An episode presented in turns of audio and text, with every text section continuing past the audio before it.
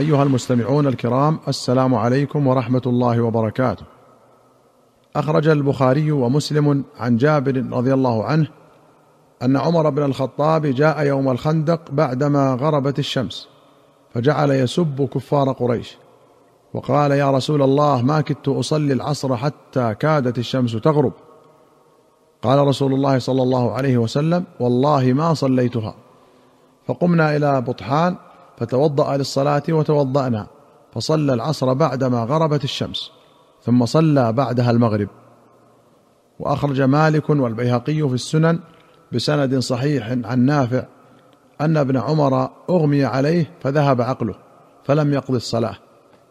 قال مالك ذلك فيما نرى والله أعلم أن الوقت ذهب فأما من أفاق وهو في الوقت فإنه يصلي.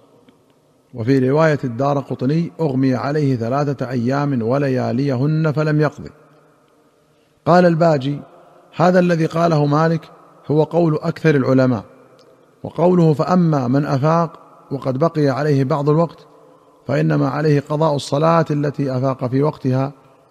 فذلك لحديث من أدرك ركعة من العصر قبل أن تغرب الشمس فقد أدرك العصر. وعليه فالوقت الذي يدرك الصلاة به المغمى عليه يفيق والحائض تطهر والصبي يحتلم والكافر يسلم هو وقت ضرورة. وذلك للظهر والعصر إلى غروب الشمس. فمن أدرك من هؤلاء قبل غروب الشمس مقدار خمس ركعات فقد أدرك الظهر والعصر وللمغرب والعشاء إلى طلوع الفجر. انتهى ملخصا. باب سجود السهو. أخرج مسلم عن أبي سعيد الخدري رضي الله عنه أن رسول الله صلى الله عليه وسلم قال إذا شك أحدكم في صلاته فلم يدر كم صلى ثلاثا أو اربعا فليطرح الشك وليبني على ما استيقن. ثم يسجد سجدتين قبل أن يسلم. فإن كان صلى خمسا شفعنا له صلاته وإن كان صلى إتماما لأربع كانتا ترغيما للشيطان. وأخرج الشيخان عن عبد الله بن مالك بن بحينة رضي الله عنه أن رسول الله صلى الله عليه وسلم قام من اثنتين من الظهر فلم يجلس فقام الناس معه. فلما قضى صلاته وانتظر الناس تسليمه كبر فسجد قبل أن يسلم ثم رفع رأسه ثم كبر فسجد ثم رفع رأسه وسلم. وفي رواية قام في صلاة الظهر وعليه جلوس. فلما أتم صلاته سجد سجدتين يكبر في كل سجدة وهو جالس قبل أن يسلم. وسجدهما الناس معه مكان ما نسي من الجلوس. وأخرج البخاري ومسلم عن محمد بن سيرين عن أبي هريرة أن رسول الله صلى الله عليه وسلم صلى إحدى صلاتي العشي إما الظهر وإما العصر فسلم في ركعتين. ثم أتى جذعا في قبلة المسجد فاستند إليه مغضبا. وفي القوم أبو بكر وعمر فهابا أن يكلماه. وخرج سرعان الناس فقالوا قصرت الصلاة. فقام ذو اليدين فقال يا رسول الله أقصرت الصلاة أم نسيت؟ فنظر النبي صلى الله عليه وسلم يمينا وشمالا فقال ما يقول ذو اليدين؟ قالوا صدق لم تصل إلا ركعتين. فصلى ركعتين وسلم. ثم كبر ثم سجد مثل سجوده أو أطول. ثم كبر فرفع ثم كبر وسجد ثم كبر ورفع. قال ابن سيرين وأخبرت عن عمران بن حسين أنه قال وسلم. قوله خرج سرعان الناس بفتح السين والراء هم المسرعون إلى الخروج. وأخرج مسلم عن عمران بن حسين رضي الله عنه أن رسول الله صلى الله عليه وسلم صلى العصر فسلم في ثلاث ركعات.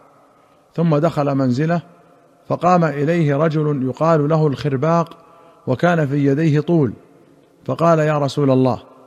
فذكر له صنيعة وخرج غضبان يجر رداءه حتى انتهى إلى الناس فقال أصدق هذا؟ قالوا نعم. فصلى ركعة ثم سلم ثم سجد سجدتين ثم سلم. وفي رواية قال سلم رسول الله صلى الله عليه وسلم من ثلاث ركعات من العصر. ثم قام فدخل الحجرة. فقام رجل بسيط اليدين فقال أقصرت الصلاة يا رسول الله؟ فخرج مغضبا فصلى الركعة التي كان ترك ثم سلم ثم سجد سجدتي السهو ثم سلم. قوله خرج يجر رداءه ذلك لشدة اهتمامه صلى الله عليه وسلم بشأن الصلاة. خرج يجر رداءه ولم يتمهل ليلبسه.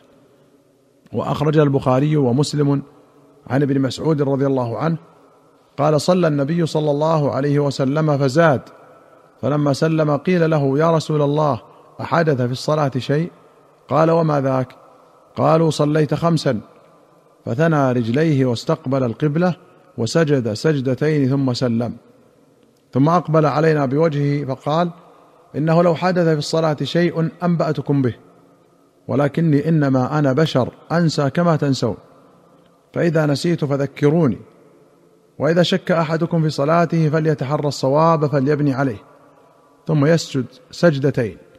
وفي رواية أنه عليه الصلاة والسلام سجد سجدتي السهو بعد السلام والكلام. باب سجود التلاوة وسجود الشكر. أخرج البخاري ومسلم عن ابن عمر رضي الله عنهما قال كان رسول الله صلى الله عليه وسلم يقرأ السورة التي فيها السجدة ونحن عنده فيسجد ونسجد معه فنزدحم حتى ما يجد بعضنا موضعا لجبهته ليسجد فيه. في غير صلاة. قال في عون المعبود ليس في أحاديث سجود التلاوة ما يدل على اشتراط الوضوء وقد كان يسجد معه صلى الله عليه وسلم من حضر تلاوته ولم ينقل أنه أمر أحدا منهم بالوضوء. ويبعد أن يكونوا جميعا متوضئين. وقد روى البخاري عن ابن عمر أنه كان يسجد على غير وضوء. وقال ابن الهمام إذا تلا راكبا أو مريضا لا يقدر على السجود أجزأه الإيمان. وروى البيهقي بإسناد صحيح عن عمر رضي الله عنه قال إذا اشتد الزحام فليسجد أحدكم على ظهر أخيه. وبه قال أحمد والكوفيون وقال مالك يمسك. فإذا رفعوا سجد وإذا جاز في الفرض ففي سجود التلاوة أولى. وأخرج البخاري ومسلم عن ابن مسعود رضي الله عنه أن النبي صلى الله عليه وسلم قرأ والنجم إذا هوى فسجد فيها وسجد من كان معه. غير أن شيخا من قريش أخذ كفا من حصى أو تراب فرفعه إلى جبهته وقال يكفيني هذا. قال عبد الله فلقد رأيته بعد قتل كافرا وهو أمية بن خلف.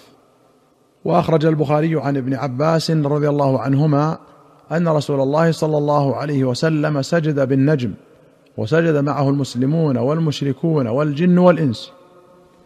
قال ابن حجر في الفتح قال الكرماني سجد المشركون مع المسلمين لأنها أول سجدة نزلت فأرادوا معارضة المسلمين بالسجود لمعبودهم. أو وقع ذلك منهم بلا قصد أو خافوا في ذلك المجلس من مخالفتهم. وما قيل من أن ذلك بسبب إلقاء الشيطان في أثناء قراءة رسول الله صلى الله عليه وسلم لا صحة له عقلا ولا نقلا. وأخرج البخاري ومسلم عن زيد بن ثابت رضي الله عنه قال قرأت على رسول الله صلى الله عليه وسلم النجم فلم يسجد فيها. وأخرج البخاري عن ربيعة بن عبد الله بن الهدير أنه حضر عمر بن الخطاب رضي الله عنه قرأ يوم الجمعة على المنبر بسورة النحل حتى جاء السجدة فنزل فسجد وسجد الناس حتى إذا كانت الجمعة القابلة قرأ بها حتى إذا جاء السجدة قال يا أيها الناس إنما نمر بالسجود فمن سجد فقد أصاب ومن لم يسجد فلا إثم عليه ولم يسجد عمر. زاد نافع عن ابن عمر قال يعني عمر إن الله لم يفرض علينا السجود إلا أن نشاء. أيها المستمعون الكرام إلى هنا نأتي إلى نهاية هذه الحلقة. حتى نلقاكم في حلقة قادمة إن شاء الله. نستودعكم الله والسلام عليكم ورحمة الله وبركاته.